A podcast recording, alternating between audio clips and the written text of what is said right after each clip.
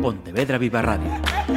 Cara a cara. Damas y caballeros, la Asociación de Directores de Informativos de Radio y Televisión da la bienvenida a JJ Benítez.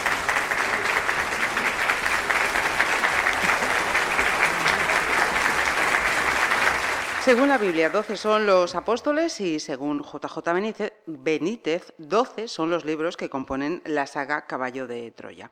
El último, ese duodécimo, lo ha publicado este pasado octubre. Belén, Caballo de Troya 12.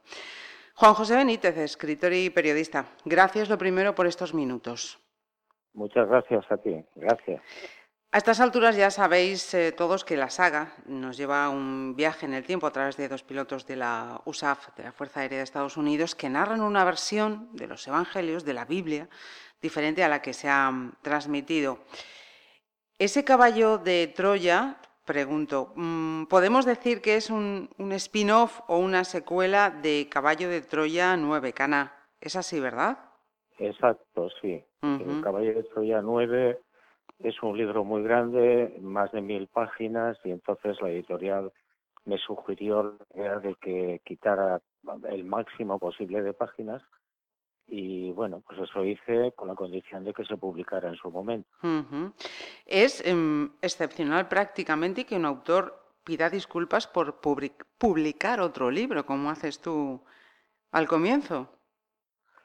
Bueno, pues sí, porque, en fin, no, no fue culpa de nadie, en realidad es que había mucha información en ese caballo de Troya 9 y bueno, pues obedecí, eh, saqué las páginas que me recomendó la editorial y bueno, me pareció que había que hacer mm, o dar disculpas, ¿no?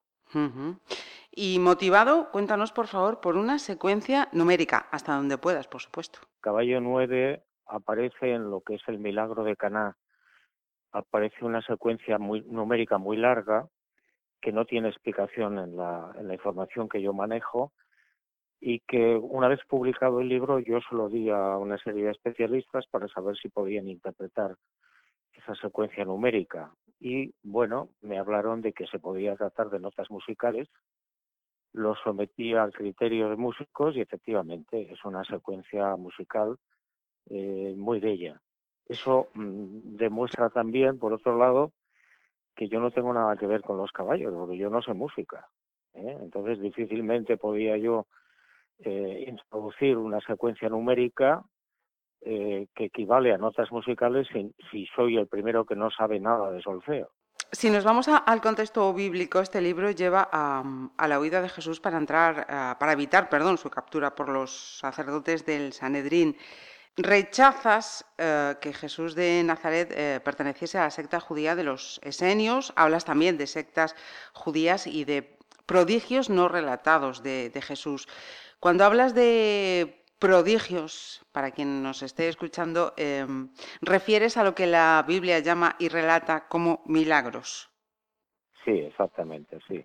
A mí me gusta más la palabra prodigio que milagro, pero bueno, es, lo mismo. ¿eh? Ahí en el caballo 9 se habla de algunos eh, prodigios que no están relatados en la Biblia, no aparecen en el Nuevo Testamento y bueno, como, como tantos otros, ¿no? Con esta edición se dice que JJ mm, Benítez pone fin a, a esta saga. ¿Es así o es reclamo editorial? No, no, espero que sea verdad. Es decir, yo ya he contado todo lo que tenía que contar sobre la vida de Jesús de Nazaret, ¿eh? 7.044 páginas, que no está mal, porque, bueno, el Nuevo Testamento, la Biblia no llega a las 200 páginas. Casi nada. Y comenzabas con, con los caballos de Troya en el 84, estamos terminando 2022. En estos 38 años, quiero preguntarte si con estas publicaciones y si te consta, has podido cotejarlo, eh, ¿qué has provocado en mayor medida? ¿Curiosidad por una posible historia alternativa de Jesús de Nazaret o rechazo por atreverte a poner en, duda una histórica versión oficial? No, yo creo que ha sido mayor la aceptación que la crítica. ¿eh? Las críticas partieron sobre todo al principio de algunos sectores muy conservadores de la Iglesia Católica pero en general el 90% diría yo de, las eh, cartas y de las conversaciones y de y de los correos que he podido recibir, pues han sido de admiración y de gratitud. Em, hablar de la figura de, Jesús de Nazaret eh, también conlleva la, creencia o no en una resurrección, en la esperanza de otra vida después de esta en la que estamos. ¿A qué atribuyes el hecho de que em, esta sociedad actual maquille tanto y, oculte tanto la muerte, cada vez más, creo yo?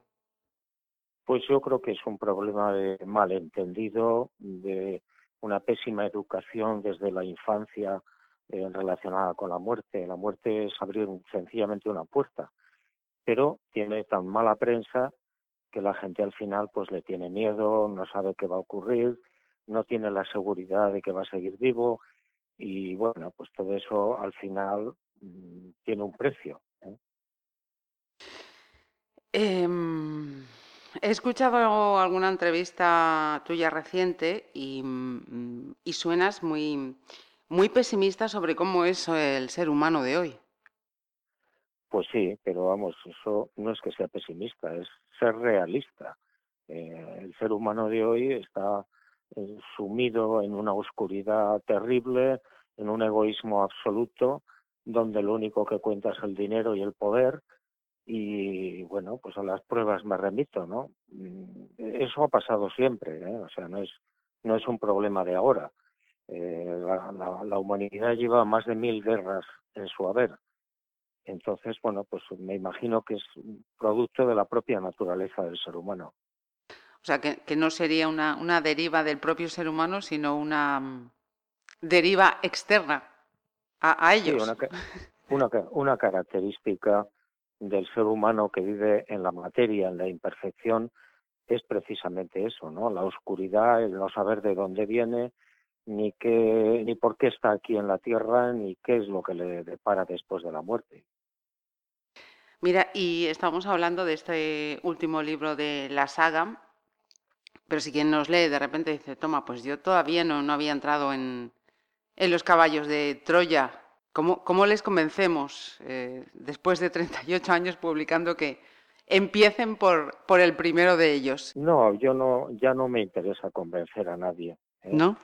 si alguien tiene curiosidad por conocer la vida de ese gran personaje que fue Jesús de Nazaret, yo simplemente le invito a que se asome a los caballos de Troya para conocer una versión que no es la que habitualmente recibimos. Y, la Iglesia, hemos hecho mención a, ella antes, em, ¿ha hecho, entre comillas, las paces contigo o todavía siguen con la suya? No, yo no tengo ninguna relación con esa institución, gracias a Dios. Pues JJ em, Benítez eh, concluye con este título, esta saga, pero no dudamos que habrá más libros y tengo, que tengo entendido que en ello está JJ Benítez. Muchísimas gracias, no te robamos más tiempo que sabemos que, que, tiene que saturar tanta entrevista en tan poco tiempo. Muchísimas gracias. Un saludo. Hasta luego. Pontevedra Viva Radio ¿Me permiten que les haga un comentario como espectadores del programa Cara a Cara? Según un reciente sondeo de mercado, ustedes disponen de estudios e inteligencias superiores a la media. Sus intereses abarcan desde la actualidad mundial y la ciencia hasta el deporte y los espectáculos.